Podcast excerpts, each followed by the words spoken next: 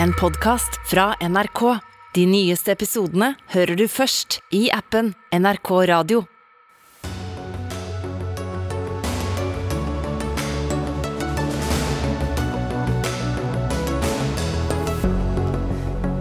Aldri har det vært eh, mer interesse rundt kvinnefotballen enn nå. Og aldri før har et lag tapt med åtte mål i EM. Treneren må gå, mener eksperter. Abid Raja skulle gjerne tatt seg en joint og legalisere cannabis. Skremmende, sier Arbeiderpartiet. Vi kan mene hva vi vil, men bare om vi har de rette liberale verdiene. Det sier 20-åring som mener hun tilhører en generasjon som er dobbeltmoralsk. Og Gud er både mann, kvinne og alt derimellom. Men eh, hvordan skal det gå med vår, vår Fader og vår Herre dersom vi skal bruke hen? Ja, velkommen til Dagsnytt 18, som i dag går både på NRK P2 og på NRK2 på TV. Mitt navn er Lilla Sølhusvik, og jeg skal følge dere gjennom denne timen. Vi starter, som vi har gjort før, med SAS-streiken som fortsatt pågår. SAS-ledelsen har tatt initiativ til å gjenoppta forhandlingene med pilotene, og partene skal etter planen møtes i Stockholm i morgen. Men eh, både Riksmekleren og du er på plass i Stockholm allerede i dag, NRK-reporter Tore Tollersrud. Og det betyr vel at eh, også partene har kontakt? Kontakt? Ja, eh, Vi så SAS konsernsjef Anko van der Werf komme ut fra Næringslivets hus her i sentrale Stockholm eh, i 16-tiden i ettermiddag. Og etter det vi skjønner, så har han der eh, i møter med riksmeklerne kommet med en del innspill, nye ideer om hvordan man skal kunne komme seg ut av den stillstanden som har vært. Eh, noe seinere kom også den norske riksmekleren Mats Ruland ut. Han bekreftet at han hadde hatt møter med sentrale parter, men ville ikke avsløre eh, med hvem. Men hele ideen her er vel på en måte å, å komme med en del nye ting som kan gjøre at man kan få posisjonen til å bevege seg, slik at denne streiken kan ende, som jo har vart nå helt siden forrige mandag. Riksmekleren sa til Dagens Næringsliv at han håpet at han ikke trengte å være så lenge i Stockholm. Hva tror du om det? Eh, det har jo vært ganske skarpe fronter her, så det spørs vel om dette her er ferdig i løpet av morgendagen. Eh, de skal starte her eh, Eh, ganske tidlig. Da kommer eh, de norske lederne i de norske pilotforeningene med et Norwegian-fly, selvfølgelig, som jo går. Eh, og jeg tipper at de er i gang i titiden. Om de blir ferdig onsdag eller må, må inn i torsdagen, det vet jeg ikke. men Eh, dette her har jo vært en, eh, en, streik med veldig sterke følelser og veldig skarpe fronter og fastlåste posisjoner. Eh, og Det er jo slett ikke sikkert heller at dette går i boks. Vi har jo hørt tidligere i dag at lederen i, altså i Parat luftfart, Jan Levi Skogvang, har sagt at hvis ikke SAS-ledelsen legger fram noe skikkelig nytt Eh, og forløsende så å si fra starten av, så kommer de til å gå i løpet av ti minutter. Eh, når du hører slik, så tyder jo det på at stemningen ikke er den aller beste nå heller. Men regningen er i ferd med å komme opp i en milliard kroner. Det motiverer vel SAS-ledelsen til å finne en løsning? Ja da, og Derfor var det også SAS som kom på banen i går ettermiddag og inviterte til nye forhandlinger. Nå renner jo pengene ut i en, i en voldsom fart, og SAS eh, eh, kunder er frustrerte og misfornøyde. Eh, SAS skal jo parallelt med Eh, at de skal få et lønnsoppgjør på plass, så skal de få gjennom en, en stor spareplan som skal lokke nye investorer inn i selskapet. Så eh, SAS-folk sier jo, ledelsen sier at dette her er, eh, står egentlig om selskapets eksistens. Og du følger forhandlingene videre, Tore Tollersrud, Takk for at du var med oss fra Stockholm.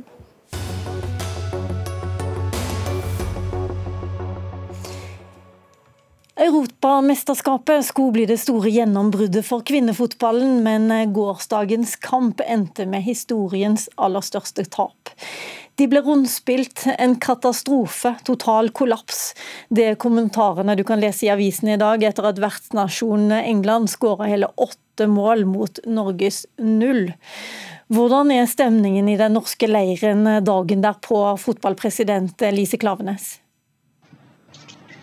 Nei, det, det, er jo en uh, preget og, og så, såret gjeng. Uh, det var brutalt uh, i, i, går, og dagen Jeg var hos i sted, og dagen handler om å, og debrife det som har skjedd, selvfølgelig. Og ja, begynne å lege rett og slett såret. For det er klart det er en skikkelig brutal opplevelse, det de var igjennom i går. Får spillerne med seg all kjeften fra Norge? Ikke noe jeg har diskutert med de overhodet. Det, det, er mer enn nok å, å, stå der, være der eh, eksponert og, og, gå på historiens eh, største tap. Det er, er tøft for, for jentene. Så for, for, oss i Norges Fotballforbunds del så, så handler det om å være der sammen med de. Men uh, i juni så kunne analyseselskapet Sponsor Insight fortelle at interessen for norske, det norske kvinnelandslaget aldri har vært uh, større enn akkurat nå. Hvordan skal du som fotballpresident, da, som har tid til å tenke på det, ivareta det med sånne resultater som vi har sett nå? Hvis du stilte meg et spørsmål nå, så hørte jeg ikke det. Nei, ok. Jeg lurte på hvordan du skal ivareta interessen for kvinnefotball når resultatene er så elendige, når interessen er på topp? Du, eh, jeg hadde ikke vært mye til eh, styreleder hvis det var det jeg tenkte på i dag. I dag handler det om to ting eh, for styret og for meg som president. Det ene er å beklage til Norge og fansen som er her og som har fulgt oss for, eh, for det som skjedde i går. Eh, og det andre er å være veldig tydelig på at vi står sammen med laget, jentene og støtter for at i dette. Vi, vi deler på ansvar og vi taper og vinner sammen. Ok, men Da skal du få et råd fra Morten Pedersen, som er kommentator i Nettavisen. Du er ikke i tvil om hva som gjøres for det norske kvinnelandslaget. Martin Sjøgren er en dead man walking. Det er fotballtreneren du snakker om, og det er dette du skriver i dag. Hvorfor er det riktig å skylde nederlaget på ham? Eh, fordi det er en, si, en, oppsummerende konklusjon av fem og et halvt år med Martin Sjøgren. Eh, nå er vi i vårt tredje sluttspill under hans ledelse. Det første i Nederland i 2017 det gikk veldig, veldig galt. Eh, det andre i 2019 eh, endte med 0-3 for England i, eh, i, i, kvartfinalen. Og Det ble på en måte en liten opptur basert på det som hadde skjedd i Nederland et par år i forveien, og noe vi trodde vi kunne bygge videre på. Og så skjer det som skjer i går kveld, som er totalt ydmykende. Og Da blir konklusjonen den at vi ikke har tatt de stegene framover, men vi har snarere tatt steg bakover.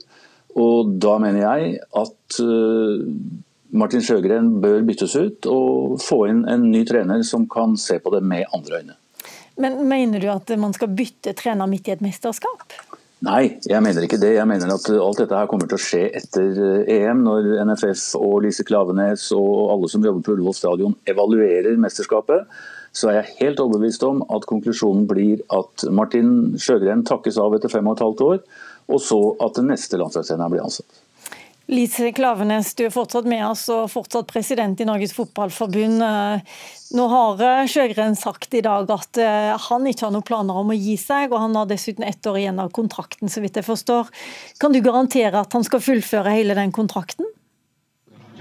Nei, det, det, vet Morten og det vet sikkert du òg, at eh, vi har gått på et historisk tap i går. Så har jeg eh, to fokus i dag. Det ene er å beklage ut av det som skjedde for det norske fansen som er. Og det andre er å stå sammen med lag og støtteapparat i det som skjedde. Ta ansvar sammen med de eh, og, og, være veldig tydelig på at de taper og vinner sammen. Og Det er mer enn nok for denne dagen her. Noen vurdering holder ikke vi på med i det hele tatt. Vi er her og nå og kun her og nå.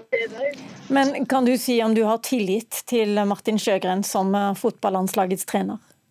Altså Helt generelt så vil jeg aldri gått inn på en sånn vurdering eh, midt i et mesterskap uansett. Men vi er her her og nå, og det er Martin Sjøgren som leder laget. Vi kan fortsatt gå videre, og vi har bare ett fokus. Eh, det er ikke noe mediesvar. Det er én jobb jeg har å gjøre, nå, og det er å ta ansvar sammen med laget og støtteapparatet og beklage det som skjedde utad. Det er det eneste jeg fokuserer på i dag. Morten Pedersen, nå sier spillerne sjøl at de har fortsatt tillit til treneren sin. Ja, og det er sånn man alltid sier. Og Lise Klavenes uh, sier det hun sier. og Derfor er hun gjør jobben sin. Og så må vi andre som skal mene noe om dette, gjøre jobben vår. Og jeg, jeg tror at tida er inne for rundt det norske kvinnelandslaget at vi skal begynne å snakke litt mindre om å ta medaljer, og litt mer om hvordan vi skal fikse laget. Eh, det er veldig enkelt for et norsk landslag å kvalifisere seg til sluttspill. Det gjør vi hver eneste gang. Eh, denne kvalifiseringa som tok oss til England, da spilte vi fire kamper. Vi slo Nord-Irland eh, to ganger 6-0. Vi slo Færøyene 13-0 og Belarus 7-1. Og Pga. covid så er vi nå merkelig nok midt inne i en VM-kvalifisering. og Der har vi spilt åtte kamper. Vi har vunnet sju, spilt én uavgjort og skåra over 40 mål.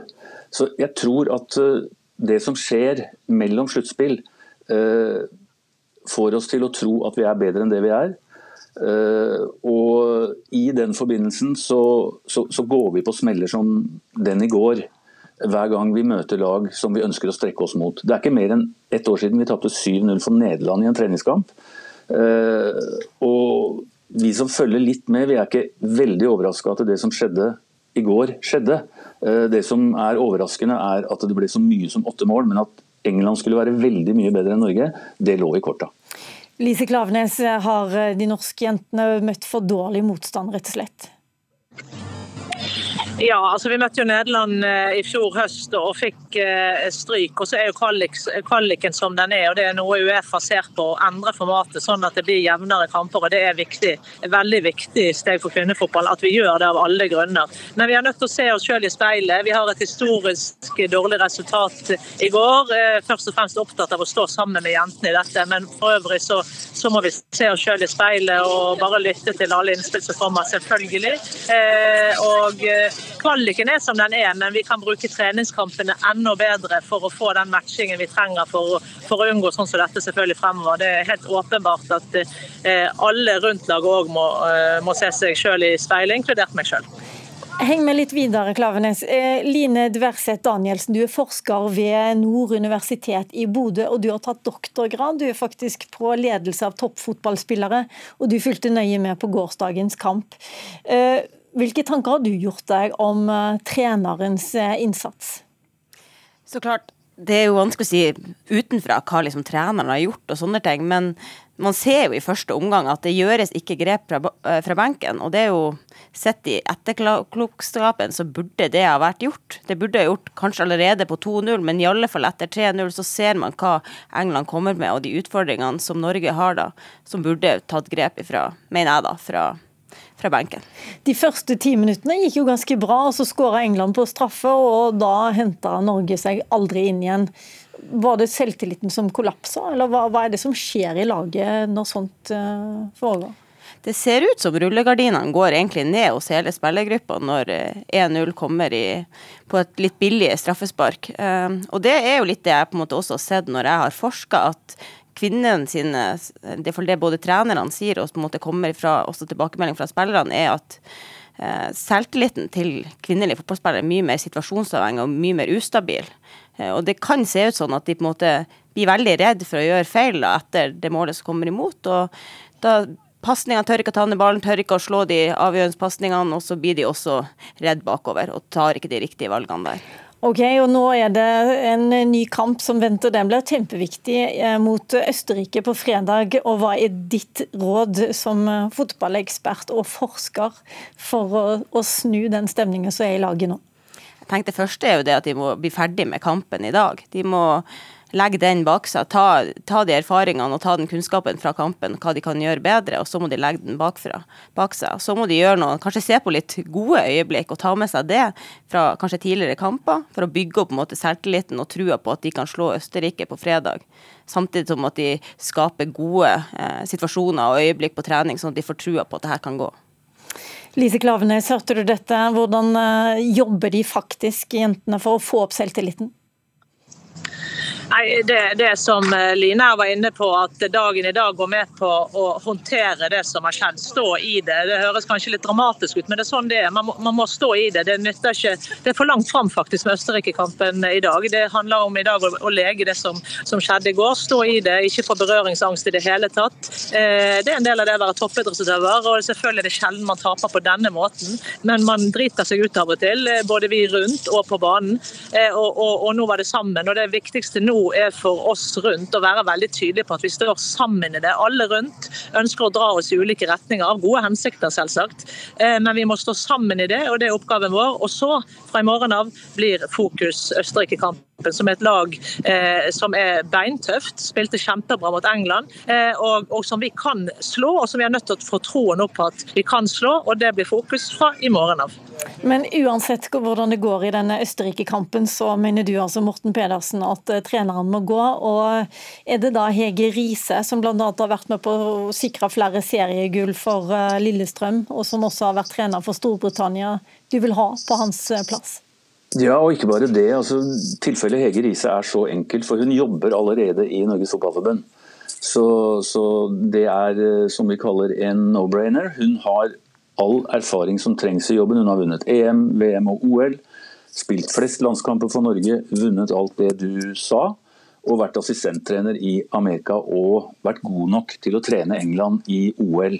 Så ja, Hege Riise er det soleklare førstevalget. Og jeg er rimelig sikker på, uavhengig av hva som skjer mot Østerrike på fredag og uh, ja, hvordan det går med Norge i en eventuell kvartfinale, at Hege Riise er den som tar over Norge til høsten. Men uansett så bør vi vel eh, stille opp på fredag og følge med på kampen og heie på Norge, så de i hvert fall kommer seg videre til en kvartfinale? Ja, selvfølgelig. Eh, og hadde vi snakket om Norge-Østerrike før 08 for England, så hadde vi tatt det for rimelig gitt at Norge skal vinne den kampen. Vi er i den letteste gruppa i, i EM-sluttspillet. Vi snakker om medaljer, og at vi skulle gå til kvartfinalen, det har liksom alle vært helt overbevist om fra dag én. Nå har vi fått en kjempeutfordring etter den smellen mot England. Laget er skjørt. Eh, vi har, et, eh, vi har ikke forsvarsspill, og vi mangler gode forsvarsspillere. Så jobben nå fram de neste dagene er å få på plass et forsvarsspill som holder vann. Og da tror jeg Martin Sjøgren bør begynne å tenke i andre baner enn han har tenkt det nå. Og organisere laget på en annen måte, og kanskje gjøre det litt enklere. Jeg er sikker på at Martin Sjøgren tenker på lite annet enn akkurat det nå. Men takk for at dere var med i Dagsnytt 18, Morten Pedersen fra Nettavisen, Lise Klavenes, president, og takk også til deg, Line Dverseth Danielsen.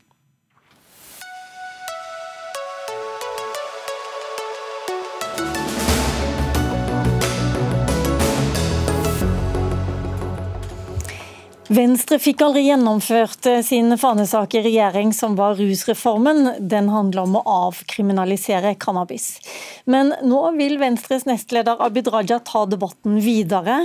Eh, for du vil faktisk eh, hoppe over avkriminaliseringen og nå legalisere cannabis i Norge, Abid Raja. Du sier også til Morgenbladet at du ville tatt en joint dersom det var lovlig. Hvorfor bør vi legalisere hasj her i landet? Jeg mener begge disse to debattene egentlig henger sammen, og vi burde egentlig stille oss spørsmålet hva slags samfunn er det vi eh, egentlig ønsker oss. Ehm, og det med tanke på at det er både tunge rusmisbrukere i Norge, det er voksne mennesker som, eh, som bruker eh, også cannabis til f.eks.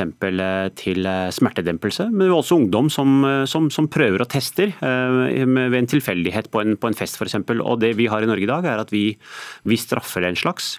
Eh, vi mener at den type nedverdigelse, ydmykelse og kriminalisering som det fører med seg, både av de tunge rusmisbrukere, de voksne som f.eks. bruker det til smertestillende øyemed, og ungdommer, at, eh, at, vi mener at det er feil vei å gå. Eh, og En avkriminalisering som rusutvalget la frem til etter en grundig utredning på 500 sider, det valgte jo Arbeiderpartiet å stemme imot.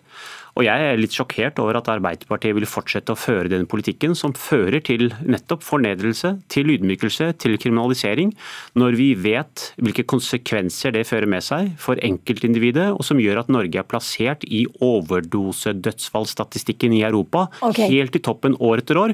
Den debatten har vi tatt ganske mange ganger før. Da kan man ikke slå seg til ro med at, eh, at den, det samfunnet vi har i dag, at det er det idealsamfunnet som vi ønsker oss. Vi bør jo ikke være i overdosedødsfallsstatistikken i verden. Vi bør heller ikke ha unge folk i Norge som føler at stigmaen knyttet til rusbruken blir så stor, konsekvensene ved politiforfølgelse blir så stor at de, tar, at, de tar eget, at de, tar, sitt eget, liv. Vet du hva, stopp litt. Grann. Mm. Avkriminalisering det handler om at man ikke skal straffeforfølges mm. for å bruke små doser. Legalisering handler om at det ikke skal være ulovlig i det hele tatt. Mm. Og Du sier selv til Morgenbladet at uh, du gjerne skulle tatt deg en joint, mm. og at du har gjort det før. Ja, så Ved et enkelttilfeller i ungdomsårene eh, i utlandet, så, så, så har jeg erkjent at det, det, har jeg gjort. Eh, nå er jo ikke jeg i en eksperimentell alder. Eh, det handler ikke om heller ikke å provosere. Jeg er en voksen mann med, med tre ungdommer sjøl. Jeg sitter i utdanningskomiteen på Stortinget, og gjennom det så har jeg truffet veldig mange videregående skoleelever. Før var det en og annen på skolen som diskuterte gjerne med politikere på besøk om, om ruspolitikken. Nå er det eh, altså store ungdomskull som diskuterer dette åpent på, på skoledebattene. Det vi vet eh, til tross for at vi har forbud i Norge, så viser tallene fra Folkehelseinstituttet at hver fjerde nordmann har hatt befatning med cannabis, og rundt 20-30 av ungdommene kommer til å bruke dette. Og Da kan vi jo forholde oss til dette som struts, at vi later som at problemet ikke finnes. Eh, at eh, vi kan late som at ungdom ikke drar til kriminelle nettverk for å kjøpe den, det stoffet ulovlig. Vi kan late som at det stoffet de får er trygt og sikkert. Eh, eller vi kan faktisk gjøre noe med politikken, og da mener jeg at det er viktig å diskutere både avkriminalisering og legalisering. Per Vidar Kjølmoen, stortingsrepresentant for Arbeiderpartiet. Hvorfor blir du så skremt av å høre dette? Aller først har jeg lyst til å si at Arbeiderpartiet er for at tunge rusmisbrukere skal få hjelp, ikke straff. Og vi er for medisinsk bruk av cannabis. Men det er ikke det debatten her handler om. Eh, nå er det bare et drøyt år siden eh, Venstre og Høyre fremma et av de mest radikale forslagene vi har sett i ruspolitikken, der brukerdoser, sjøl heroin og kokain, skulle avkriminaliseres helt, sjøl for barn og ungdom. Og Nå går Abid Raja enda lenger. Og Forslaget hans betyr i praksis at hvis Eh, han får det som han vil, så kan du gå i butikken og kjøpe brød, ost og litt eh, cannabis til tirsdagskvelden. Eventuelt at vi må døpe om Vinmonopolet til Vin- og Narkotikamonopolet, eller at vi lager egne hasjbutikker. Og jeg tror Raja har helt rett i at mange flere vil ta seg en joint eh, hvis du kan kjøpe den i butikken og hasjbruk blir normalisert. Eh, og Det tror jeg vil endre det Norge vi kjenner. Og Aller verst vil det gå utover barn og unge, som allerede er sårbare. Eh, men det her er selvsagt et politisk valg. Men det Raja sier, er jo at de gjør det allerede. Én av fire gjør det allerede, prøver cannabis. Ja, Eller kanskje fire, 75-80% av norsk ungdom bruker ikke hasj. Eh, blant skoleelever så er vi lavest i Europa, så noe fungerer åpenbart ganske bra med norsk eh, narkotikapolitikk. Eh, og Det er sånn at det er sikkert veldig mange som er i samme situasjon som Abid Raja, at hadde det vært lovlig, så hadde de tatt seg en joint, og da får det noen konsekvenser. Det er det samme som hvis du fjerner fartsgrensene, så vil selvsagt folk kjøre fortere. Eh, og all erfaring viser at eh, fullt eh, frislipp vil føre til økt bruk og mer fornedrelse, mer narkotikamisbruk og mer utrygghet for barn og unge. Tre av fire bruker det ikke. Ja, jeg er veldig overrasket over uh, hvor lite faktaorientert disse innleggene er. Altså, Vi har jo nå en grundig utredning på 500 sider. Det finnes jo fakta fra andre land som har både avkriminalisert og legalisert, hvor vi ser at det er, en, det er ikke den dramatiske økningen i bruken som det legges opp til her. Det er, en, det er en marginal økning. I noen land opp, noen andre land ned. Og Slik som det er argumentert her, så vil man jo nesten tro at det er, altså, vi er i ville Vesten. Nå er det et stort land i Europa, Tyskland, har har sendt signal gjennom regjeringserklæringa at de ønsker å legalisere. Der sitter jo sosialdemokratene med makten. Men de har, har ikke gjort det ennå. De, de, de, de, gjør det i Nederland. og Er det nederlandsk mønster du vil følge? Nei, altså, eller hvordan er det, er ikke, det skal det være butikk eller Nei, altså i Nederland er det ikke legalisert, men uh, i Portugal så er det jo avkriminalisert. Det var det rusreformen i Norge tok til orde for, som Arbeiderpartiet sjokkerende nok stemte imot. Uh, det var veldig sjokkerende. Legalisering kan man se til f.eks. Eh, du har jo Canada, enkelte stater i USA, Luxembourg, Malta men også Tyskland i løpet av neste år. De de utreder nå er ikke Hvor skal man få kjøpt uh, Det som er viktig å si, at det, det Tyskland gjør nå, det er ikke å utrede om man skal legalisere. Det de har besluttet er at de skal legalisere. De utreder nå i, i, i Men nå spør jeg deg. Du tar til orde for legalisering. På hvilken måte skal dette foregå? Det viktige å si er, Vi har jo ikke noe nøyaktig sånn svar på akkurat hvordan det skal gjøre, for vi må finne en norsk modell på å gjøre det. Når vedkommende nå sa at ja, det er akkurat som å gå og kjøpe seg hasj på butikk, altså vi har jo ikke engang vin på butikk i Norge. Så dette ville være for å én flytte dette over i trygge former. Men du hva er trygge former? Hva, du må altså, tenke litt på altså, det. Ja, altså Om det ville være seg et eget pol for det, eller et, type, et eget type monopol for det eller ikke, det er noe man må utrede og komme frem til. Men vi er ikke det første landet i verden som kommer til å gjøre dette. Andre land i Europa har allerede gjort det. Tyskland vil i løpet av neste år eh, ha en utredet modell for lisensmodell. De har tatt beslutningen om at de skal legalisere. Så det er ikke sånn kan legalisere. og Det vil jeg gjerne stille spørsmål til Arbeiderpartiet. er jo, De mener jo åpenbart at straff virker. Altså, Hvordan kan man være så selvtilfreds med dagens politikk, som har plassert Norge i europatoppen i overdosedødsfall? Hvordan kan man være selvtilfreds med når man leser historiene til, til barn og unge, som f.eks. ikke et person som bor så langt unna der hvor du kom fra, Knut Røneid, som har fortalt om uh, sønnens konsekvens som det fikk at politiet tok vedkommende for, for, for hasj, som endte med at, at, at, ungdommen tok sitt eget liv. Vi vet at barn og unge det var to spørsmål, Abid Raja. La ham få svare. Jeg glemte første spørsmålet, kan du gjenta det? Ja, hvordan, altså, Hvilke forskningsmessige belegg har dere for at, eh, at, straff virker? Hvordan kan man være så selvtilfreds med den politikken Norge har ført, når vi vet at vi ligger i, i overdosedødsfallsstatistikken i verden, og vi vet Nå hvilke konsekvenser dette får det for, for, for, for, for vår ungdom? Arbeiderpartiet er helt enig i at, både, at det er gjort altfor lite for tunge rusmisbrukere. og Det kommer til å være et hovedpunkt av den rusreformen vi kommer til å, å legge fram. Eh, men eh, full legalisering av hasj i butikk eller vin- og narkotikamonopol eller hva det nå er, kommer ikke til å hjelpe tunge rusmisbrukere.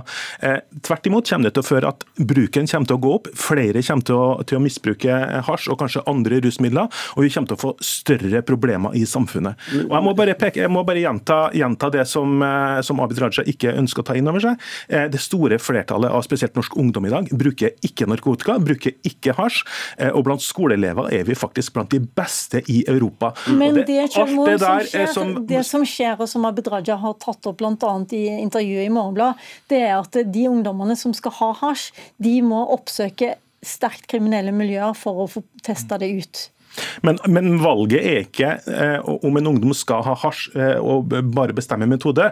Eh, det vi må gjøre, er å øke terskelen for at uh, ungdom oppsøker hasj. Og, og norske politikken har vært ganske vellykka på det området. Fire av fem ungdommer eh, bruker ikke hasj, og, og av dem som bruker det, så er det bare 6 det som bruker det, bruker det. Og da er det ganske, det er ganske jeg er ganske overraska, litt sjokkert over at Venstre virkelig eh, er, er villige til å, til, til å innføre en, en, sånn modell. Eh, jeg sier at flere land har Ja, det er kanskje ti land som helt delvis har, har legalisert eh, ulike former for narkotika i verden, og så er det 130 land som ikke har gjort det. Ok, Den har du sagt nå. Raja, kort til slutt. Ja, så jeg mener jo at ungdom i utgangspunktet ikke bør bruke narkotika. Vi bør jo også være avholdende med, med rusbruken generelt. Men vi vet i dag at når 30 av ungdommene kommer til å teste dette, så ender det med at de drar til et kriminelt nettverk eh, for å opprettholde også det kriminelle nettverket, men også de farene som er forbundet med dette. Som advokat tidligere så har jeg sett konsekvensene av at uskyldig ungdom som ellers er lovlydige, eh, havner i klammeri med, med de nettverkene vi ikke ønsker. Jeg mener at vi burde fjerne dette fra det illegale markedet. Men, da hjelper det ikke at du går rundt og sier at du ønsker å ta deg en joint. Da bidrar du til å normalisere hasjbruk, og du bidrar sjøl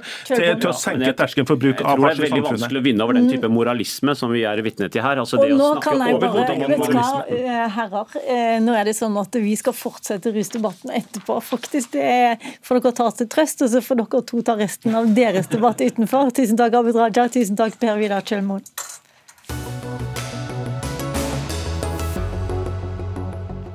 For uh, urinprøver er ikke forholdsmessig å bruke for å avdekke narkotikabruk blant ungdom. Det slo Riksadvokaten fast i april i fjor. Det har ført til at politiet har mista et av sine virkemidler for å få unge til å slutte med rusmidler. Disse ruskontraktene de går altså ut på at unge som blir tatt for narkotikabruk, får velge mellom en bot og prikk på rullebladet eller å signere en kontrakt der de går med på oppfølging med urintester. Og Else Marie Rødby, du er stortingsrepresentant eh, fra Senterpartiet. Dere misliker at sånne ruskontrakter er i ferd med å forsvinne i mange norske byer nå. Hvorfor beklager du det? For det første så er det jo sånn at uh, I kjølvannet av uh, de retningslinjene fra Riksadvokaten som du akkurat nevnte, så har det oppstått en utbredt usikkerhet i politiet. Uh, det er usikkerhet rundt hvordan politiet skal håndtere møter med ungdom som ruser seg. og Det har da ført til at i mange tilfeller nå så gjøres det ingenting. Færre ungdom får dermed den hjelpa de trenger. Og vi mister oversikt og viktig informasjon som bidrar til å kunne avdekke alvorlig narkotikakriminalitet, nettverk og, og bakmennene.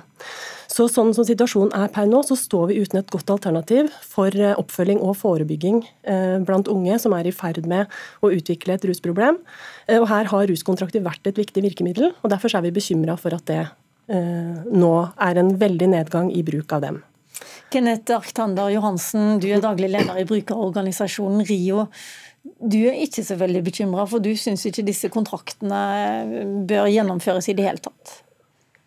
Jeg vil egentlig, jeg, Nå var det egentlig flere ting som ble diskutert samtidig, her, så jeg ønsker å på en måte skille litt på dem. I rusreformdebatten, I rusreformdebatten så argumenterte jo politiet med at ikke vi kunne avkriminalisere bruk og besittelse av ulovlige rusmidler, fordi de da ville miste adgang til disse såkalte straffeprosessuelle tvangsmidlene, som innebærer da bruk av håndjern, det er nakenvisitasjoner, Eh, kroppslige undersøkelser, urin, blodprøve osv. for å avdekke bruk. I tillegg så har de også da etterforska folk eh, som om de selger, enda de bare har vært eh, mistenkt for, eh, for eh, bruk. Så Men de snakker vel også om disse ruskontraktene som de ønsker å fortsette med? Ja, ja, ja, og det er ingen som nekter noen å holde på med ruskontrakter. Det har aldri vært snakk om at politiet ikke skal ha anledning til å initiere det. Men saken er er at Politiet har jo begått flere tusen lovbrudd mot brukerne i året. Dette har vært en eksempel på en diskriminering som jeg mener overgår Nav-skandalen ganske godt. Og hva gjør Senterpartiet? Jo, de velger å ikke et lite øyeblikk, et lite øyeblikk. Nå snakker vi om ruskontrakter. Er det, er det, de du ja, snakker om nå? Ja, men grunnen, grunnen, altså det Senterpartiet mener er at uh, antallet ruskontrakter går ned fordi politiet ikke lenger har adgang til å bruke disse straffeprosesser eller tvangsmidlene for å avdekke bruk. Uh, det man burde ha vært opptatt av, er nettopp at folk har vært utsatt for lovbrudd fra staten, flere tusen i året. Det burde man beklage seg over, istedenfor nå å premiere denne praksisen med at politiet skal da få utvida bruk, eh, altså adgang til å bruke disse straffeprosess- eller tvangsmidlene. Men mener dere at det er feil at ungdom blir, går inn i sånne kontrakter som, der, som innebærer at de må avgi urintest eh, jevnlig, sånn at man passer på om de er tilbake og bruker rusmidler eller ikke? Altså For det første så er det ingen som har nekta politiet å initiere disse ruskontraktene. Det er et alternativ til type ordinær, ordinær straffesanksjon. Men de Men forsvinner nå i hvert fall ja. i disse dager uansett? Ja, de reduseres, og det er vi positive til. fordi at eh, jeg mener at Når du skal møte sårbar ungdom, i en del tilfeller så er du avhengig av å bruke tvang, men da må du fatte et tvangsvedtak som er faglig begrunna, og som har et klart formål og som er avgrensa. Disse ruskontraktene har fra Helsedirektoratet sin side vært vurdert som ikke kunnskap kunnskapsbaserte. og Det eneste på en måte Senterpartiet har kommet med i sin argumentasjon for disse ruskontraktene, er at best det man kaller for anekdotisk bevisførsel. Så Jeg mener eh, at jeg ønsker å diskutere med Senterpartiet hvordan vi best mulig kan hjelpe ungdom å forebygge rusproblemer, eh, men det gjøres altså ikke med bruk av disse ruskontraktene. Ok, Else Marie Rødby, kan du være med å diskutere andre måter å hjelpe ungdommene på enn disse ruskontraktene?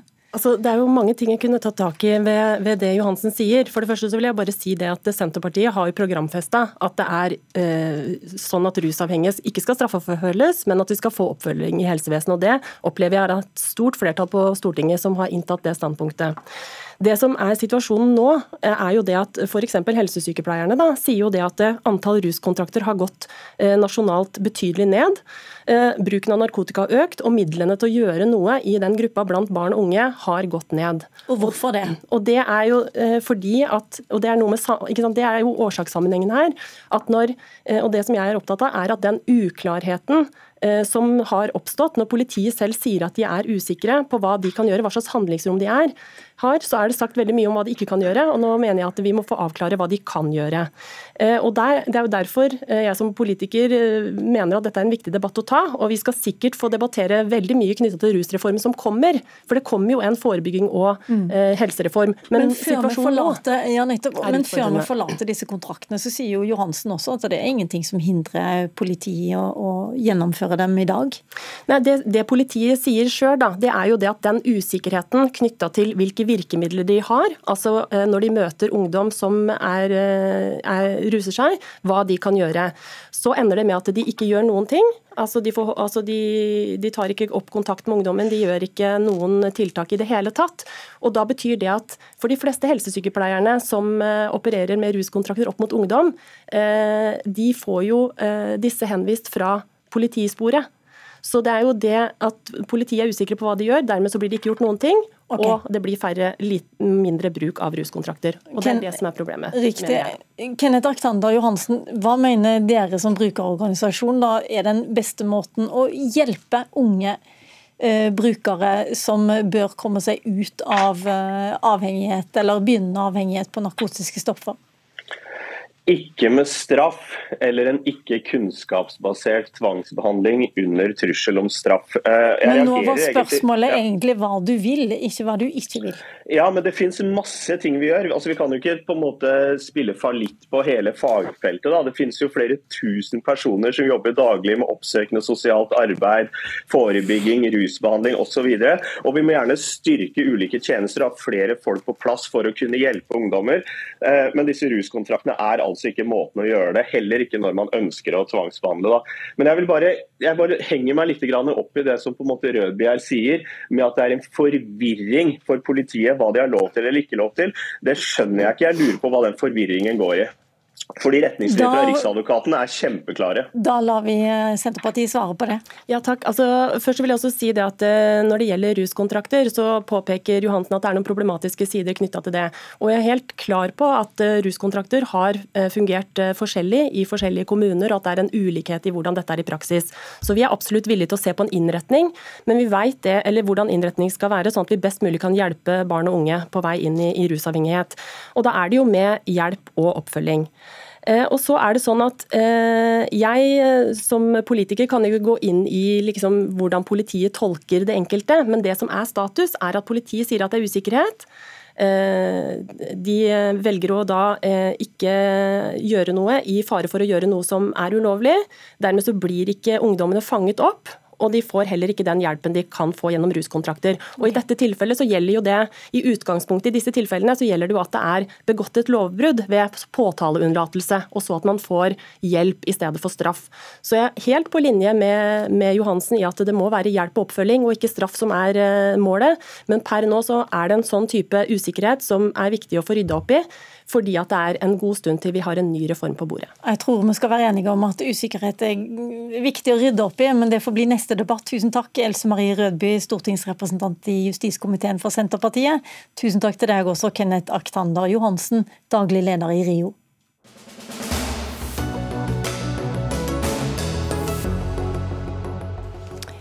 Transportselskapet Uber brukte tvilsomme og sannsynligvis ulovlige taktikker for å vokse globalt. Dette går fram av en serie avsløringer i avisa The Guardian, som har gått gjennom mange tusen dokumenter som er lekka fra selskapets ledelse. Påstanden er at Uber-ledelsen på kynisk vis utnytta voldsepisoder mot sine sjåfører for å få politisk støtte. I går fikk vi også vite at eh, mannen som hadde ansvaret for Ubers lobbyvirksomhet, det er han som har lekka alle disse dokumentene til The Guardian. Og Gry Blekastad Almås, Storbritannia-korrespondent, hva er det Mark McCann har fortalt fra sine år i Ubers eh, ledelse? Den tidligere topplederen sier jo at de har solgt løgner til politikere, til media, til ansatte og til brukere eh, gjennom 124 000 dokumenter, som er alt fra interne papirer og presentasjoner til WhatsApp-meldinger. Så beskrives det eh, hva som har skjedd, og, og denne eh, løgnen er solgt både ansikt til ansikt i møter mellom, mellom ledelsen i Uber og, og folk de har møtt. Men også eh, via teknologi, f.eks. en app som eh, lurte politiet til ikke å se Uber-bilene som var i eh, gitte områder osv. Hvordan forklarer han at han vil stå fram nå og fortelle denne historien? Nei, Han sier at uh, han kommer med dette her nå, og har sørget for å lekke dette nå uh, fordi han angrer, rett og slett. Han var jo blant dem som solgte disse løgnene, uh, som fikk politikere til å endre drosjelovene sine, og, og som fikk dem til å tilpasse lovene Ubers forretningsmodell, og at han nå har dårlig samvittighet for det. Han kaller jo de metodene som ble brukt for antidemokratiske bl.a., og høyst urettferdige. Eh, men vi skal jo merke oss at dette eh, sier han jo nå, da, eh, over fem år etter at han selv slutta i selskapet. Og Hva sier de som leder selskapet i dag, da? Eh, Uber-ledelsen nå, da, eh, som er en ny ledelse, tar avstand fra det som har skjedd tidligere. Eh, men den sier også at de ikke har behov for å unnskylde det som har skjedd. Fordi det selskapet nå står for, er en helt annen praksis. Og at dette overhodet ikke er noe som forekommer lenger nå. Mm. Men det kommer altså stadig vekk nye avsløringer. og Den siste er at Emmanuel Macron har vært en svært behjelpelig næringsminister i Frankrike da Uber ville etablere seg der. Og Hvilken rolle er det Frankrikes nåværende president spilte i dette her? Simen Ekan, du er europakorrespondent og med oss fra Brussel. Ja, han skal jo ha vært en eh, svært velvillig tilrettelegger av eh, Uber-revolusjonen i Frankrike. Han skal ha eh, møtt ledelsen flere ganger, og, og, og, ved flere av disse møtene skal dette ha vært møter som ikke ble dokumentert eller registrert noe sted, slik at opposisjonen i Frankrike mener at det framstår som hemmelige forhandlinger. Og han skal også ha blitt så godt kjent med Uber-ledelsen at de på et tidspunkt ba ham om hjelp da politiet raidet ryddet lokalene for å få tilgang til eh, regnskap osv. Så, videre. så eh, en svært entusiastisk næringsminister, som jo heller ikke la skjul på da eh, han hadde dette vervet, at han var veldig begeistret for det han kalte den nye startup-økonomien, og, og var veldig ivrig på at Frankrike skulle bli et land der denne typen selskaper kunne etablere seg, for å modernisere og effektivisere den franske økonomien. Men eh, hva, hva, Macron, hva var det han hadde imot den franske drosjenæringen, siden han gikk med på dette? her? Ja, Den franske drosjenæringen, i likhet med den italienske drosjenæringen, har i mange år vært eh, kritisert eh, av en del politikere for å operere med eh, et litt lite gjennomsiktig system, bl.a. hva angår hvem som skal få taxilisens. Det er blitt beskrevet da av disse politikerne som et veldig lite effektivt system, og at Uber dermed var en slags gave til Macron da han kom, nettopp fordi taxinæringen for ham representerte en bit bit av den franske økonomien eh, som i mange tilfeller da var eh, stivnet og, og, og rigid, og, og, en næring som, som tjente eh, virksomhetens egen interesse, men kanskje ikke nødvendigvis nyansatte eller kunder, lyder argumentasjonen fra Macron. Han hevdet jo hele tiden i starten også at dette var en veldig god måte å sørge for raske og nye arbeidsplasser, bl.a. til innvandrerungdom som hadde lav utdannelse, fordi tersklene for å bli Uber-sjåfør før eh, var så eh, lav. Eh, så, så, dette inngikk jo på en måte i det som var Macrons økonomiske visjon for Frankrike. og Så kan det jo da se ut som han har gått temmelig langt nå, med, vil iallfall opposisjonen ha en parlamentsundersøkelse for å komme til bunns i om det han har gjort var ulovlig, eller om man kan argumentere som hans parti gjør i dag, at dette dreide seg om alminnelige samtaler med selskaper som ville etablere seg i Frankrike, og de fikk den informasjonen de trengte uten at noe galt fant sted hevder de. Jeg skulle til å si hva sier Macron nå, når det er kommet fram eh, disse beskyldningene om ulovlige, i hvert fall lyssky metoder? Macron selv sier fint lite, men representanter for partiet hans eh, forsøker å si at det ikke er noe skandaløst i eh, at lobbyister eh, snakker med politikere, og, forsøker å, tone det veldig ned. Mens opposisjonen igjen også opposisjonen representert ved politikere som tidligere var med i Macrons eget parti, snakker om en potensielt enorm skandale. Og I alle fall så er det sånn at politisk så får man på venstresiden i Frankrike, som jo står sterkt nå etter det siste valget, valget, for man bekreftet det man hele tiden har sagt, at Macron er de rikes president, en mann som er en fagforeningsknuser, og som, som ikke forholder seg til den franske modellen sånn som den har vært overhodet, og, og, og, ikke forholder seg til, til de reglene det franske arbeidslivet har, har satt opp. Er det mulig å si noe veldig kort til slutt om hvor skadelig dette har vært for Uber som selskap? Vel, eh, Det kommer jo litt an på i hvor stor grad folk eh, kjøper den nye ledelsens eh, historie om at selskapet nå er helt annerledes. Og så kommer det også litt an på i hvor stor grad det, det som har hendt er ulovlig. Disse historiene om hvordan man har manipulert voldsbruk f.eks., og med viten og vilje sendt ut Uber-sjåfører for å møte sinte taxisjåfører og nærmest håpet på voldelige episoder fordi man regnet med at det ville gi selskapet en slags positiv oppmerksomhet oppmerksomhet. Det er klart, det er ikke noe kunder nødvendigvis eh, setter pris på. Og Så må man se da om denne forretningsmodellen og denne ideen, som de jo hevder er noe franskmenn ønsker. og Det er jo også det eh, Macrons parti sier, at dette var en tjeneste som mange franske kunder ville ha, og, og den eh, fikk de. Så får vi vel se da i hvor stor grad folk er, villige til å dykke ned i disse dokumentene, eller, eller velge å, å ikke forholde seg til det. Vi får se. Tusen takk for at du var med oss, eh, Simen Ekkan fra Brussel. Takk også til Gry Blekastad fra London.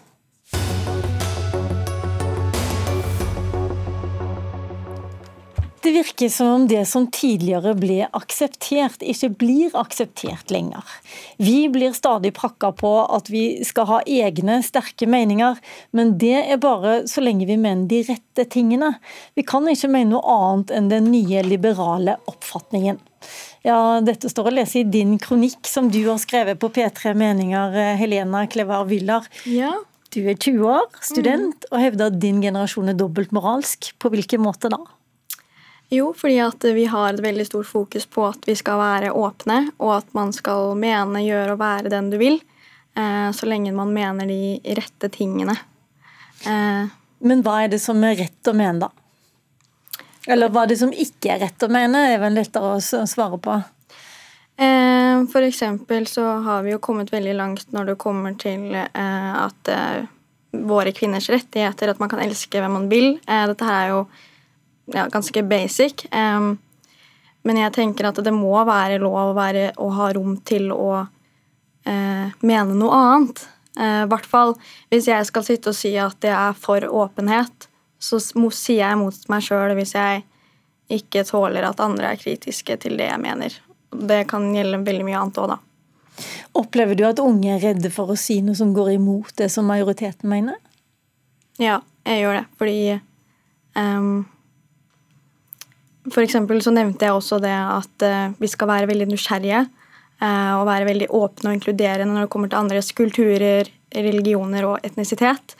Eh, men min oppfatning er at eh, eh, det blir veldig lett tråkket ned og slengt ganske stygge ord bare du, bare du prøver å spørre da, og være nysgjerrig og egentlig bare har gode intensjoner.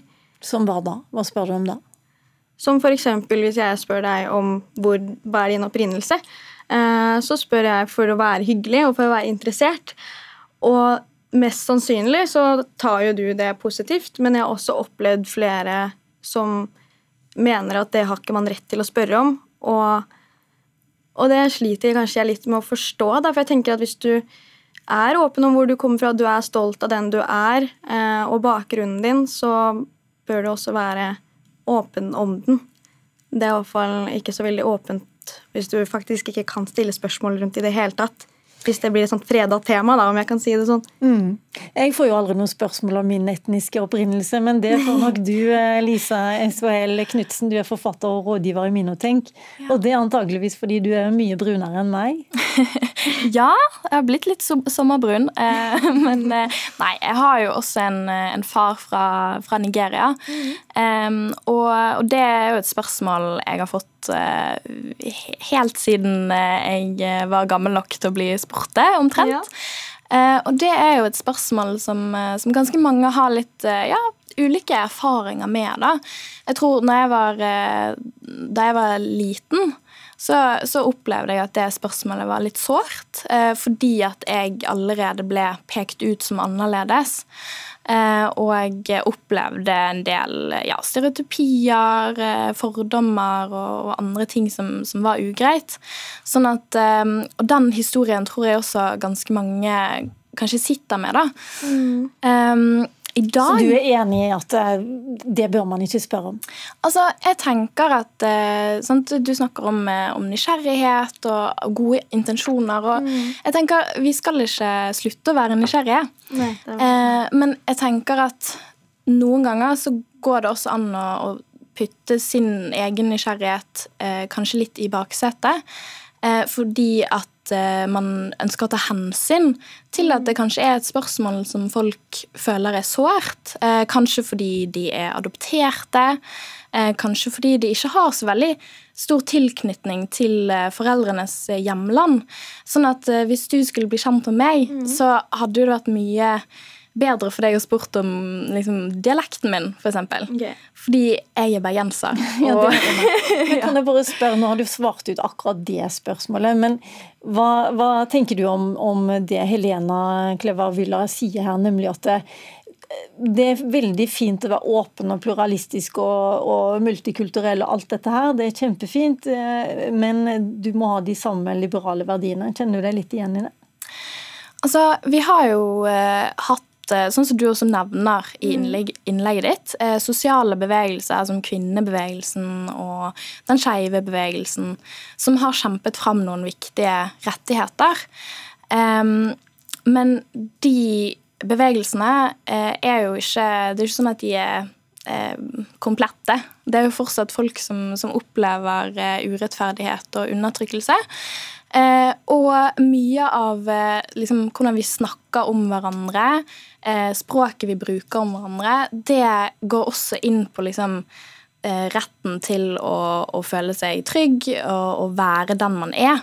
Men altså, Helena Kleva Villa, du skriver bl.a. at uh, en av de tingene du ikke kan si helt åpent, det er f.eks. hvis man ønsker å være hjemmeværende, eller hvis man vil bli en prest. Mener du at det er ja. så trangt? Nei, altså, det var jo mye mer normalt å være pastor og hjemmeværende før. Og da var det kanskje bare det som var inn da, en gang i tiden.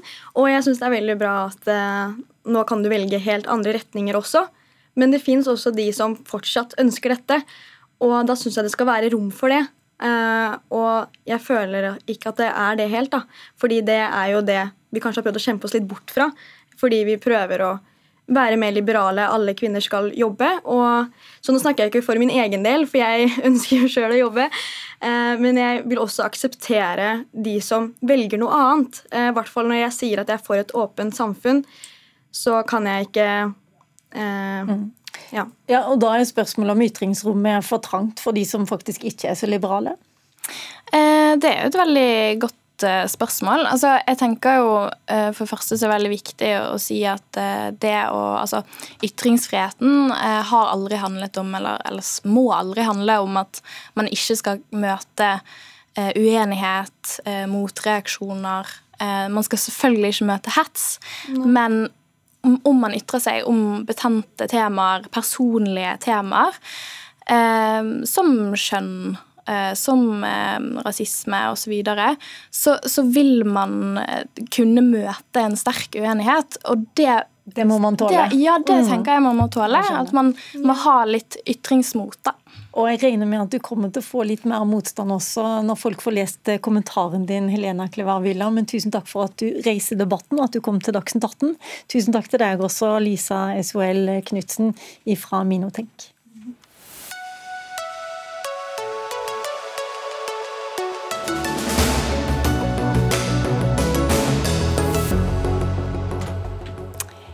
Det vakte mye oppsikt eh, da det kjønnsnøytrale ordet 'hen' tidligere i sommer ble offisielt oppført i norske ordbøker. Men debatten slutta jo ikke der.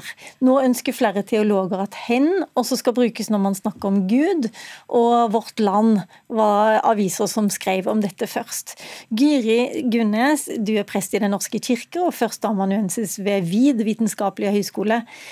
Hvordan skal egentlig bønnene bli og Fader vår og når vi skal snakke om Vår Herre, hvordan skal vi snakke om Han når han blir hen? Um, altså, det religiøse språket om Gud det blir jo, det er en kombinasjon av det som på en måte de faste leddene i gudstjenesten, og så bønner som blir formulert for hver ny gudstjeneste, som er, som er kontekstuelle. Og, og, Det å kunne ta inn hen, det er veldig, et veldig godt forslag. fordi at det religiøse språket det er ferskvare.